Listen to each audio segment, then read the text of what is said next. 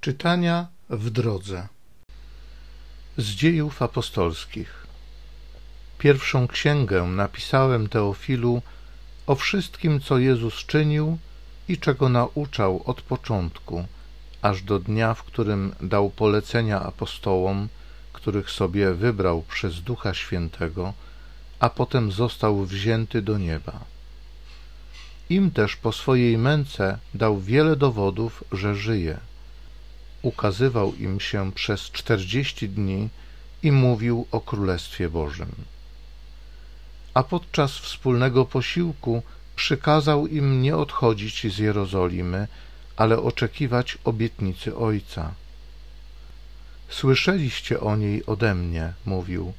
Jan chrzcił wodą, ale wy wkrótce zostaniecie ochrzczeni Duchem Świętym. Zapytywali go zebrani – Panie, czy w tym czasie przywrócisz królestwo Izraela? Odpowiedział im, nie wasza to rzecz znać czasy i chwile, które Ojciec ustalił swoją władzą, ale gdy Duch Święty stąpi na was, otrzymacie Jego moc i będziecie moimi świadkami w Jeruzalem i w całej Judei i w Samarii i aż po krańce ziemi.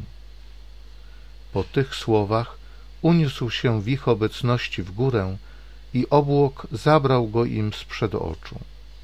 Kiedy jeszcze wpatrywali się w niego, jak wstępował do nieba, przystąpili do nich dwaj mężowie w białych szatach i rzekli: Mężowie z Galilei, dlaczego stoicie i wpatrujecie się w niebo?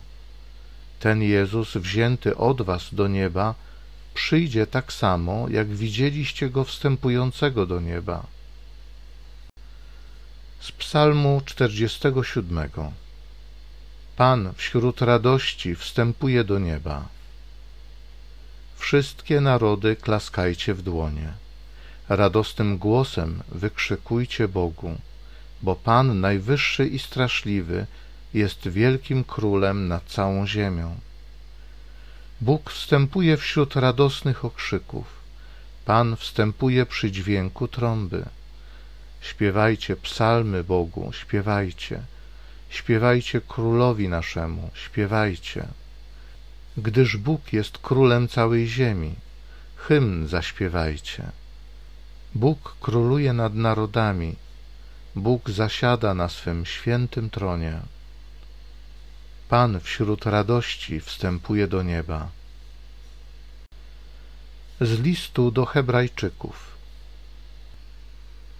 Chrystus wszedł nie do świątyni zbudowanej rękami ludzkimi, będącej odbiciem prawdziwej świątyni, ale do samego nieba, aby teraz wstawiać się za nami przed obliczem Boga, ani nie po to, aby się wielokroć sam miał ofiarować, jak arcykapłan, który co roku wchodzi do świątyni z krwią cudzą, gdyż w takim przypadku musiałby cierpieć wiele razy, od stworzenia świata.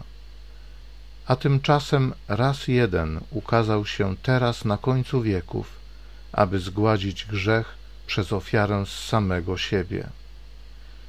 A jak postanowione ludziom raz umrzeć, potem zaś sąd, tak Chrystus raz jeden był ofiarowany dla zgładzenia grzechów wielu, drugi raz ukaże się nie w związku z grzechem, lecz dla zbawienia tych, którzy go oczekują.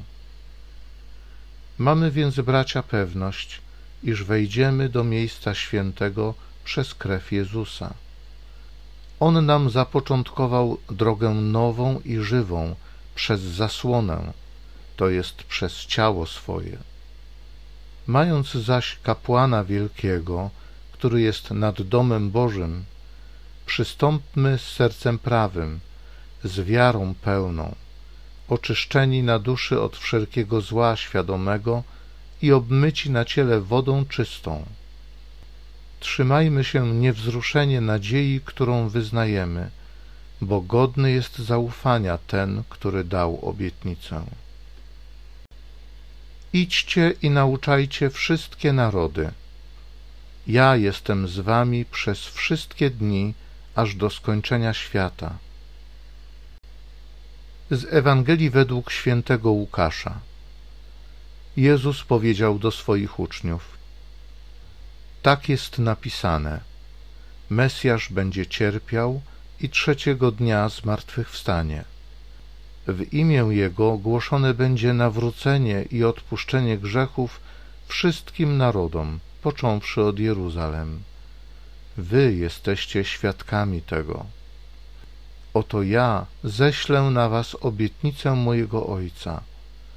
Wy zaś pozostańcie w mieście, aż będziecie przyobleczeni w moc z wysoka. Potem wyprowadził ich ku Betanii i podniósłszy ręce, błogosławił ich. A kiedy ich błogosławił, rozstał się z nimi i został uniesiony do nieba. Oni zaś oddali mu pokłon i z wielką radością wrócili do Jeruzalem, gdzie stale przebywali w świątyni, wielbiąc i błogosławiąc Boga.